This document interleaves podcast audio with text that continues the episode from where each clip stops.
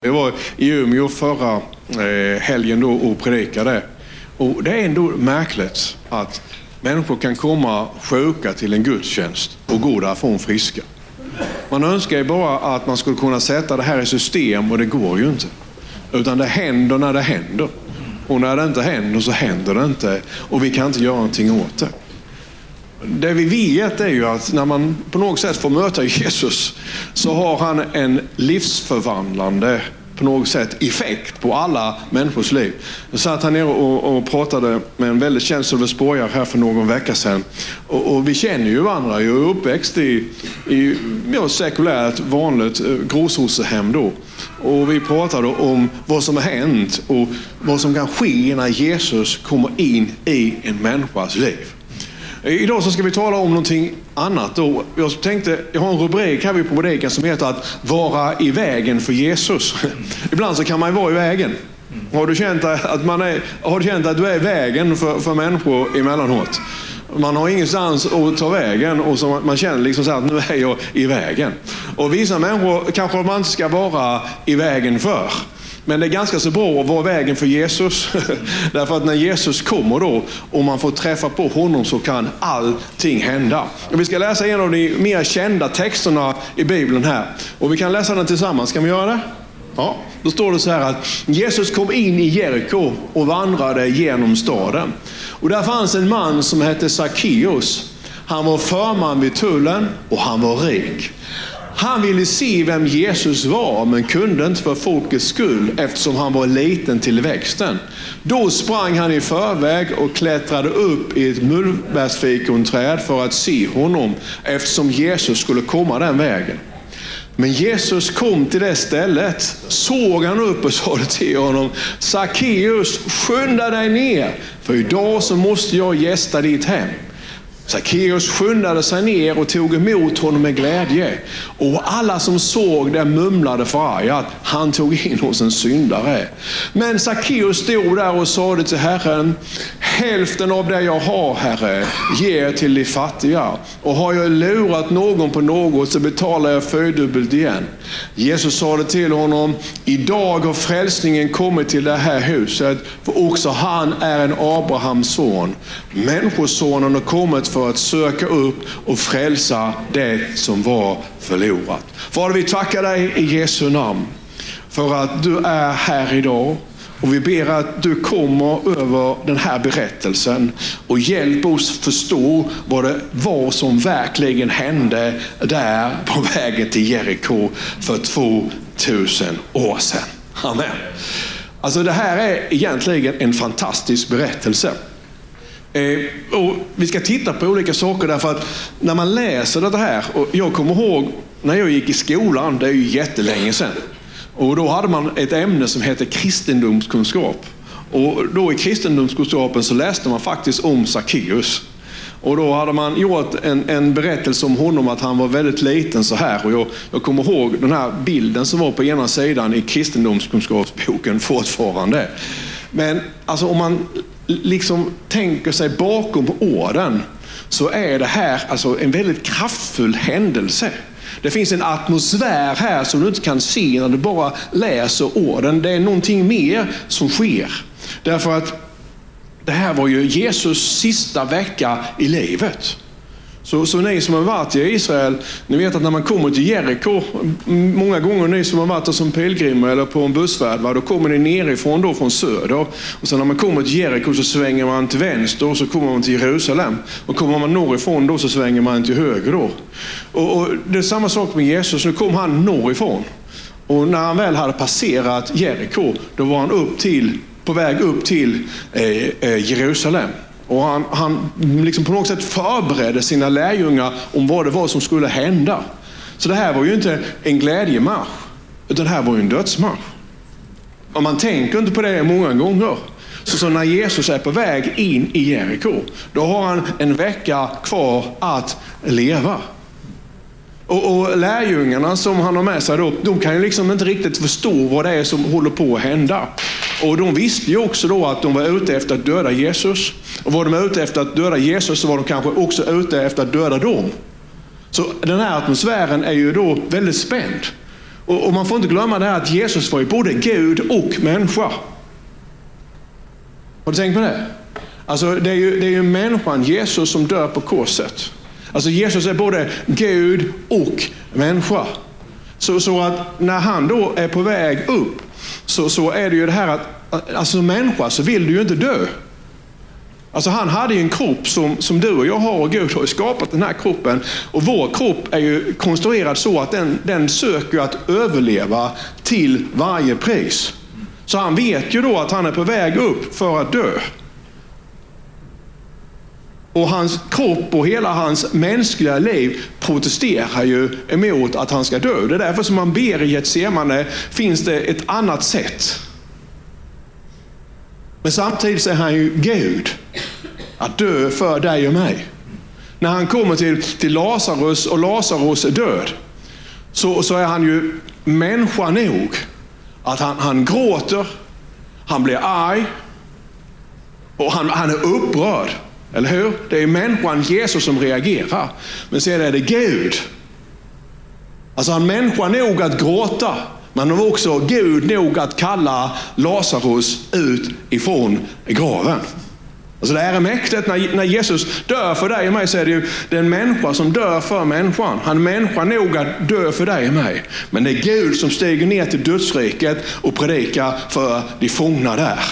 Så, så man har det här i Jesus också. Det står skrivet i Hebreerbrevet att han grät. Liksom om det fanns ett annat sätt. Ett sätt att ta bort ångesten ifrån honom därför att han hade en dödsångest. Så att när de då är på väg in i Jeriko så är det så här att Jesus är på väg, han har satt sina steg mot Jerusalem. Han sökte inte andra människor, han tänkte inte andra människor, utan det var ju med tunga steg som han var på väg till Jerusalem. Och här i Jeriko då så finns det ju en människa då som de andra evangelisterna berättar inte ens om honom. Han heter Sackeus då. Och vem var han då?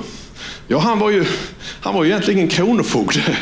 Och, och det står här att han var förman. Han, han var, idag skulle vi säga att han var direktör. Han var direktör för Skatteverket. Han drev in skatterna. Men problemet var inte att han drev in skatterna, utan problemet var att han var en överlöpare. Han var en jude. Han var en Abrahams son. Han var, han var från Israel. Men han jobbade för romarna. Så att romarna utnyttjade då hans judiska börd för att han skulle då driva in skatterna till romarna. Och romarna hade ju då eh, ockuperat Israel. Så om det var någon som man inte tyckte om här så var det Sackeus.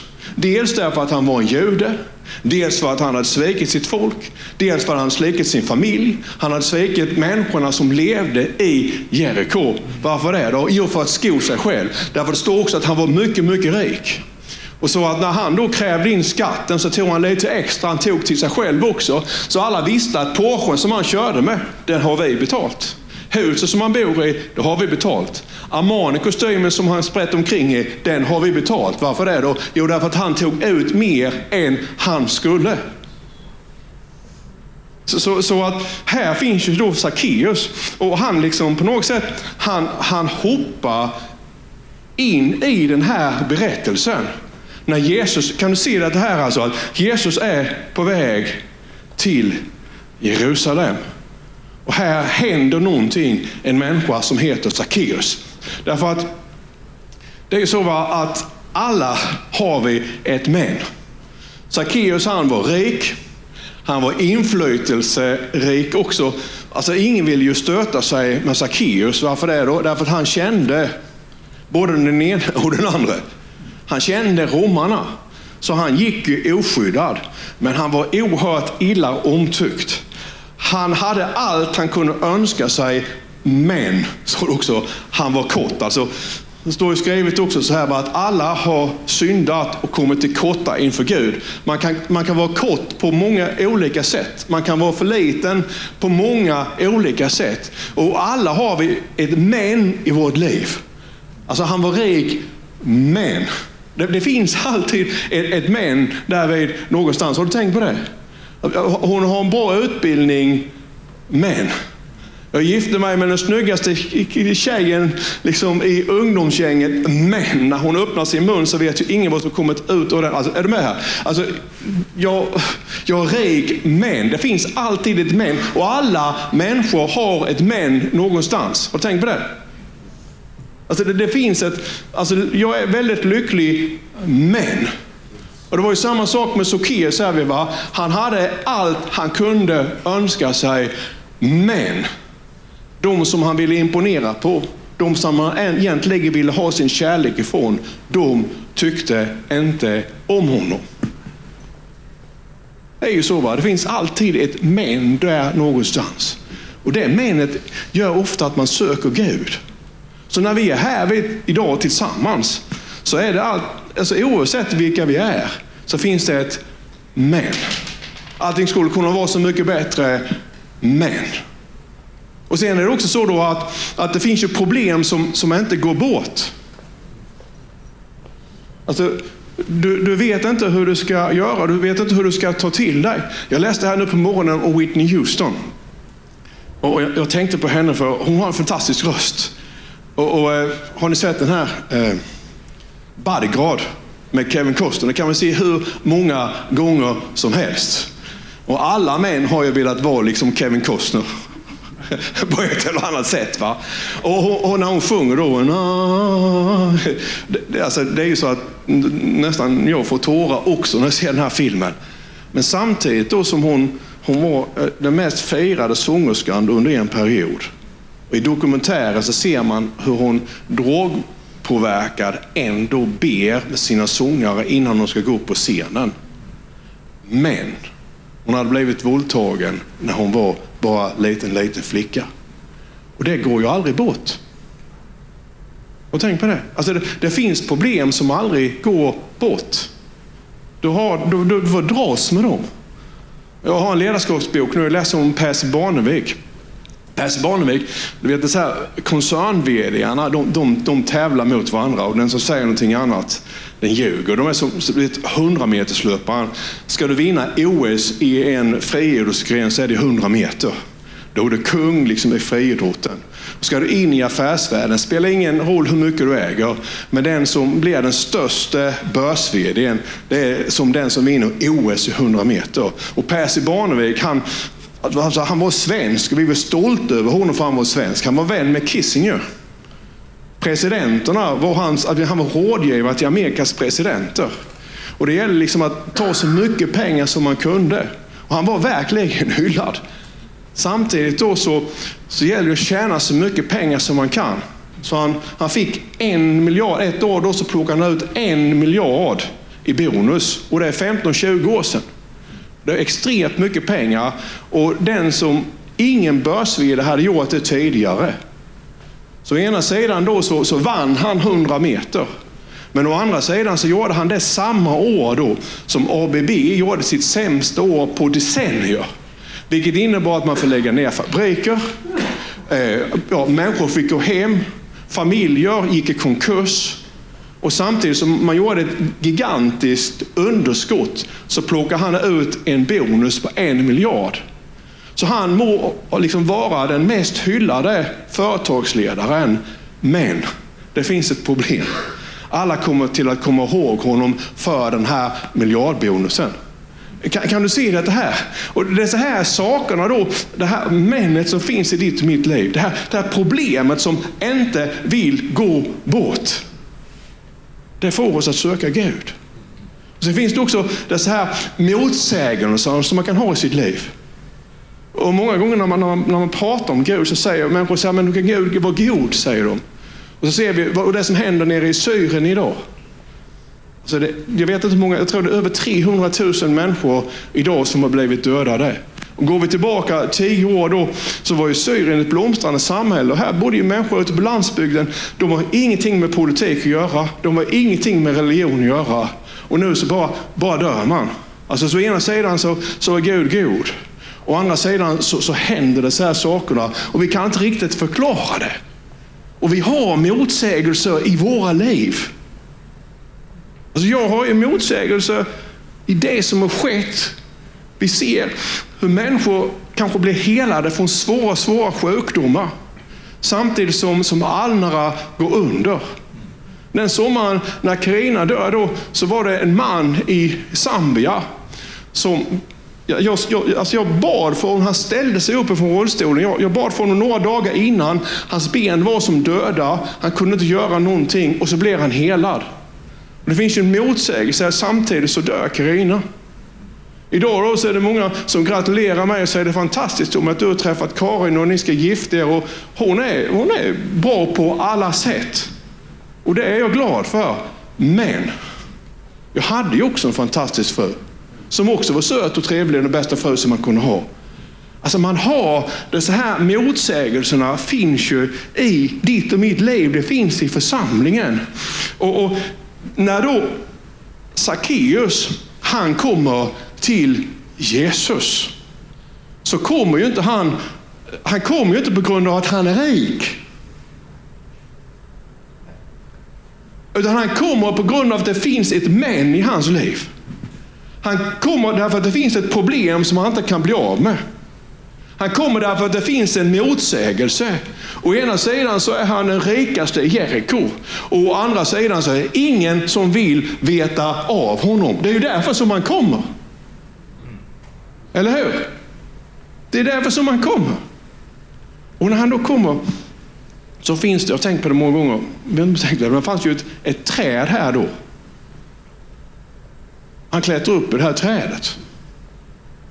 Jag har funderat på trädet.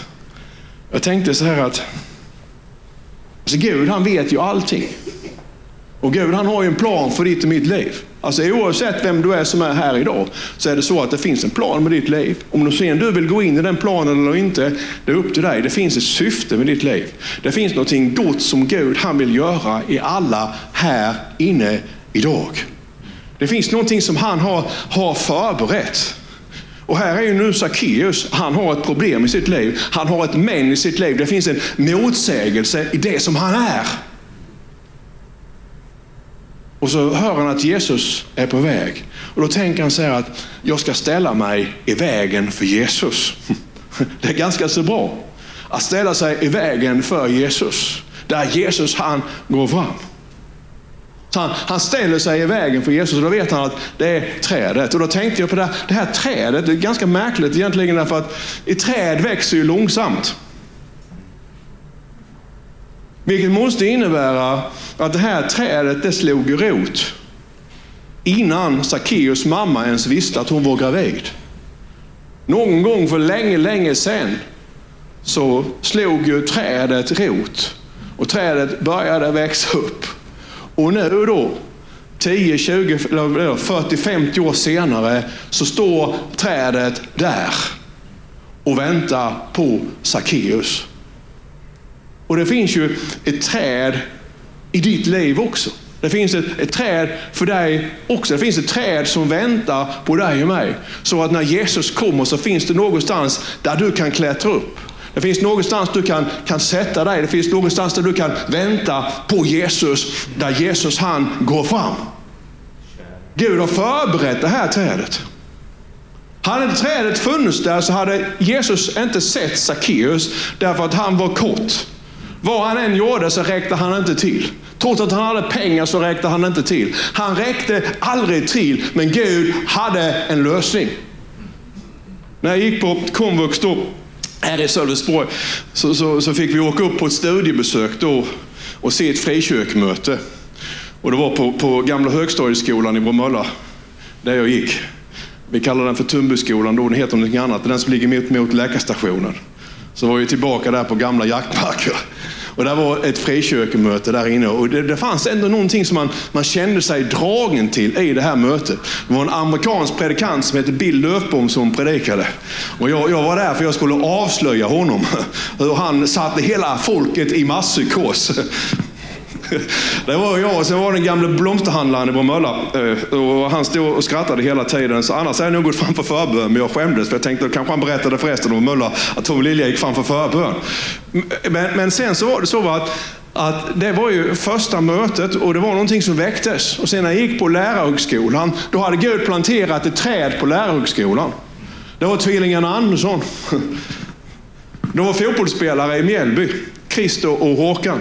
Och några från Missionsförbundet i Sösdala. Alltså, de, alltså de, de, var ju trädet som gjorde att, att jag, kunde, jag klättrade upp i trädet och i det trädet fick jag möta Jesus. Och om du tänker efter här så är det ju så va, att, att, att emellanåt då, och, och många, vi som är här idag, vi har inte känt Jesus från vår barndom, utan någonstans på livets väg så har det funnits ett träd. Och det trädet har vi klättrat upp i, därför att det trädet stod i vägen för för Jesus.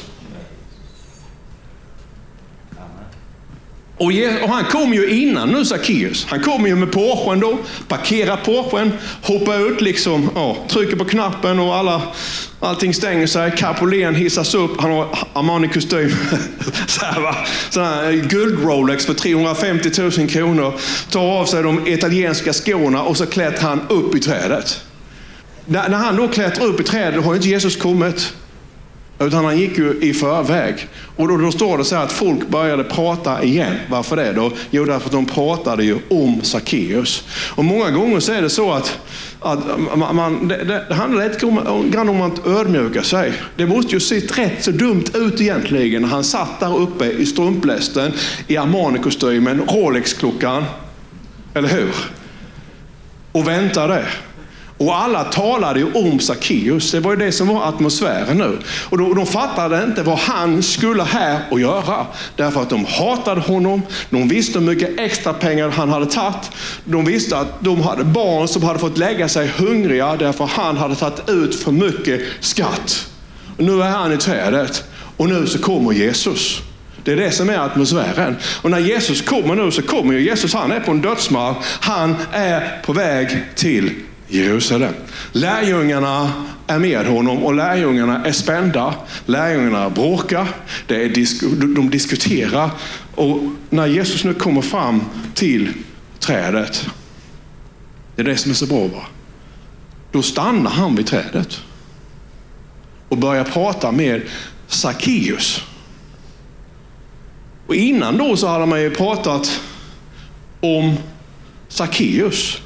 Nu börjar man prata om, om Jesus. Därför säger man, hur kan Jesus överhuvudtaget, överhuvudtaget tilltala Sackeus? Som jobbar med romarna. Och om Jesus då var Messias, så kom ju Messias för att upprätta Israel och för att kasta ut romarna. Man såg Jesus liksom, som en politisk gestalt. En krigarkonung som skulle upprätta Davids fallna hylla. Och när Jesus kommer så stannar han vid trädet där Sackeus sitter i sin Armani-kostym. Och så tittar han på Sackeus och så säger han till honom, skynda dig ner, säger han. Sackeus. För idag så ska jag vara gäst i ditt hus. Och nu börjar man prata ännu mer. Och jag har tänkt på det också här, därför att det står idag. Idag ska jag vara gäst i ditt hus. Gäst hos vem? Jo, en människa som hade svikit, en människa som var girig, en människa som hade lurat andra människor, en människa som hade skapat så mycket oreda. Och så säger Jesus, idag så ska jag vara, om det hade varit vilken annan dag som helst, men det här var ju inte vilken annan dag som helst. Vad är det nu du säger Tom? Jag säger det här var ingen annan dag som helst. Det här måste varit på torsdagen eller fredagen. Och en vecka senare så skulle Jesus dö. Jesus visste vilken dag som han skulle dö på. Vilket innebär att han visste hur många dagar han hade kvar. Han hade sex eller sju dagar kvar, åtta, nio dagar kvar i livet. Nej, sex, sju dagar kvar i livet. Och då säger han idag. Alltså han tar alltså en av de få dagar som han har kvar i livet. Tar han för att bli gäst hemma hos Sackeus. Han tar en av de dagar som han är kvar i livet för att rädda en enda människa. Han tar en av de dagar som han är kvar i livet att besöka en människa som alla andra människor avskydde. Han tar en dag som han är kvar. Hade du gjort det, hade visst att du skulle dö om fem, sex dagar, så hade du nog inte ens sett Sackeus. Men på något sätt så talar det till oss om vem Jesus är. Alltså varje människa är så mycket värd för Jesus. Så när han bara har ett fåtal dagar kvar i livet så stannar han hos Sackeus och ger honom en hel dag och de få dagarna han har kvar. Och när människor de bråkar med Jesus och säger till honom, hur kan du bara söka upp den typen av människa? Varför är du gäst hos honom och inte hos oss? Och så ger han dem allesammans svaret, så säger han att Människosonen, säger Jesus, har inte kommit för det rättfärdiga skull, utan Människosonen har kommit för att söka och rädda det som är förlorat. Och när, när du och jag då, vi kommer i vägen för Jesus, så kommer samma sak att hända i ditt och mitt liv. Alltså ställer vi oss i vägen för Jesus och Jesus börjar verka i dig och mig, så kommer du förstår, vårt perspektiv kommer då att förändras. Alltså, vi kommer att bli mer, mindre intresserade av oss själva och mer intresserade av andra. Väldigt många gånger så är det så att vi vill att, att, att vi ska bestämma vilken, Gud, vilken väg Gud han ska ta. Istället för att vi kommer i vägen för, för Jesus så vill vi liksom på något sätt att Gud bestämmer att Gud ska komma i vägen för oss. Men det är inte så det fungerar. Utan att ställa sig i vägen för Jesus. Så att Jesus kan nå ditt och mitt hjärta. Det är det allting handlar om. Eller hur? Och det, det händer någonting också för när Jesus får komma in i, i ditt hus. Och nu har jag en fråga till dig. Om, om Jesus skulle dyka upp i gudstjänsten nu och säga att jag, jag följer med dig hem idag hade då ringt hem och sagt till din granne, kan du gå in och plocka undan det här och det här och lägga undan det, för det vill jag att Jesus ska se hemma hos mig. Alltså, man, man, man behöver inte skämmas för Jesus, han vet vad du har hemma i alla fall. Men det är ändå så här va. Att han är här för att söka och rädda det som är förlorat. Och det är också församlingens uppdrag att göra så att människor kommer i vägen för Jesus. Halleluja. Och den här gången då, jag känner inte alla som är här vid då. Det är tvillingarna Andersson, då, de var ju fantastiska. Vi hade mycket religiösa samtal och så här. Och en dag då så, så kommer ju Jesus. Han kommer in i mitt sovrum. Därför att man hade klättrat upp i trädet. Och alla behöver Gud. Och alla behöver Jesus. Och då, då, då, tänker man ofta så här, va? Att, att, för att jag ska släppa in Jesus i mitt hjärta, då måste jag börja göra det, jag måste börja göra det och jag måste börja göra... Nej, nej, nej. Det är inte det det handlar om. Utan det handlar om att när du får Jesus i ditt hjärta så kommer du till att börja en vandring tillsammans med honom. Du ska inte göra någonting som frikyrkokristna talar om för dig att du ska göra. Utan det ska komma inifrån. Det kommer till att växa fram inifrån dig och undan för undan så kommer du till att lära känna Jesus. Och Sackeus är vi då. Det skedde ju en enorm förvandling i hans liv redan där vi på eftermiddagen. Därför att han gav tillbaka till de fattiga allt det som han hade tagit. Han gav dubbelt tillbaka. Och för de människor som han har drivit ut för mycket skatt från, där betalar han tillbaka fyra gånger så mycket. Därför att du vet att när man kommer till Jesus, då släpper man på något sätt fokuset på det som egentligen inte är någonting värt. Det är klart att alla vill ha en bra bil och alla vill ha ett fint hus. Och, och, och, och så här, alla vill ha kläder och mat på bordet och alla vill ha en slant på, på banken. Men skillnaden är att när man väl kommer till Jesus, då blir det inte det som är målet. Alltså det är någonting som du behöver och alla behöver det här. Men ditt perspektiv förändras. Ditt mål förändras och du börjar se någonting annat. Vet du, det bästa av allt är just det här. Att jag säger männen, män. Ja, jag har det ganska så bra Tommy, men det finns ett problem här vi som, hur jag än gör så blir jag inte av med det. Och det finns en motsägelse. Men när Gud får komma in så kan han ta bort männet. Eller också så kan han hjälpa dig bära det som du kanske har med dig hela livet. När du lägger dig trött på kvällen och gråter så är han där vid din sida. Därför att Gud har inte kommit för att döma utan Jesus har kommit för att rädda. Halleluja. Ska vi stå upp tillsammans en liten stund ska vi strax avsluta gudstjänsten. Mm. Herre, vi tackar dig för att du är här just den här dagen, Herre. Vi tackar dig för din nåd. Vi tackar dig för din frälsning. Och vi tackar dig att vi känner att i den här gudstjänsten, Herre, så har vi kommit i vägen för dig. Och jag lyfter var och en som är här inför ditt ansikte nu. Och jag ska göra en sak som jag gör på varje gudstjänst nu och gör det överallt i hela världen och gör det här också. Jag skulle vilja att ni sluter era ögon allesammans. Kan ni göra när ni blundar och böjer era huvuden. Och om du är här idag och du säger att jag har inte Jesus i mitt hjärta. Och du känner dig inte tvingad eller så, att det är ingen som ser någon härvid. Utan du känner, säger, jag skulle vilja ta emot Jesus i mitt hjärta. Jag ska inte bjuda fram dig eller någonting. Det är bara en sak mellan dig och Gud. Men då kan man räcka sin hand och genom att räcka handen och på något sätt så, så säger du att jag har tagit det här beslutet nu. Jag vill komma vägen för dig Jesus. Jag vill att du Jesus kommer in i mitt hjärta. Och jag kommer till räkna till tre här. Du kan du bara lyfta din hand snabbt och så kan du ta ner den igen. Och Sen ska vi gå vidare och sjunga en sång här. Vi ska ta upp en gåva också till församlingen. Så om du är här idag och du känner liksom att du har kommit i vägen för Jesus den här gudstjänsten. Så kan du lyfta din hand. Bara liksom kort sådär svagt. Som att du säger av tecken, jag har kommit i vägen för Jesus. Jag tar emot honom nu. Så jag räknar till tre. Vill ingen titta nu, alla blundar. Så räknar jag till tre och så lyfter din hand. Ett, två, tre, nu. Ja.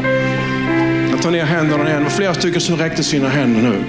Och eh, då ber vi tillsammans allihop här. Och det är frivilligt också om du vill. Men ni som är församlingsmedlemmar, vi ber tillsammans när ni säger efter mig. Så säger vi så här, jag tackar dig Fader. Att jag får komma till dig idag. Jag har kommit i vägen för Jesus. Och just nu Jesus, så bjuder jag in dig i mitt liv. Jag ber om förlåtelse. Och jag förlåter. Och jag vill Jesus, att du börjar leda mig. Steg för steg. Undan för undan. Det ska inte komma utifrån. Det ska inte vara ett tvång. Utan jag vill att inifrån så hjälper du mig att finna dig och en väg in i framtiden. Jag tackar dig Jesus för att från och med idag så är du min frälsare. Du är min Herre, du är min konung och du är min Gud. I Jesu namn. Amen. Halleluja. helt underbart. Eller hur? Förra söndagen så var det många människor som kom i vägen för Jesus. Vi hade, det var, så här, hel, det var en tolvklass då, eller, eller inte tolvklass, utan det var, var en hel grupp med döva då. Som hade varit med på Karens seminarium på lördagen. Och sen så ville de vara med på kvällen, sen på mitt möte och på söndag eftermiddag. Och eh, dövtolken, som var med och tolkade då. Hon lyfte sin hand. Hon hade kommit i vägen för Jesus. Och flera andra också. Varför det då? Jo, därför att Jesus lever på riktigt. Ja. Och jag brukar säga det när människor frågar mig, bry inte om kyrkan. Kyrkan består av människor. Och människor har problem. Det har kristna människor också. Lasta inte Jesus för mina tillkortakommande. För Jesus han är någonting helt annat. Så är det va? Ja, det finns religionskrig. Ja, det finns religionskrig, det är sant. Men Jesus har inte startat dem. Jesus vill inte det. Utan Jesus, han, han ger oss ett enda bud och det är det här att vi ska älska varandra. Det är budet han ger. Och kan vi leva ut det, då blir världen mycket, mycket bättre. Då får vi ett bättre Sverige. Hade man vänt andra sidan till och älskat varandra nere i Syrien så hade aldrig det fruktansvärda hänt som händer där. Jag lider oerhört med de människorna. Jag tänker mig in i den situationen själv ibland. Tänk om jag lever i Sölvesborg helt plötsligt kommer ett krig som inte jag har med att göra. Det är tufft, eller hur? Men det är inte Jesus, utan Jesus är lösningen. Amen.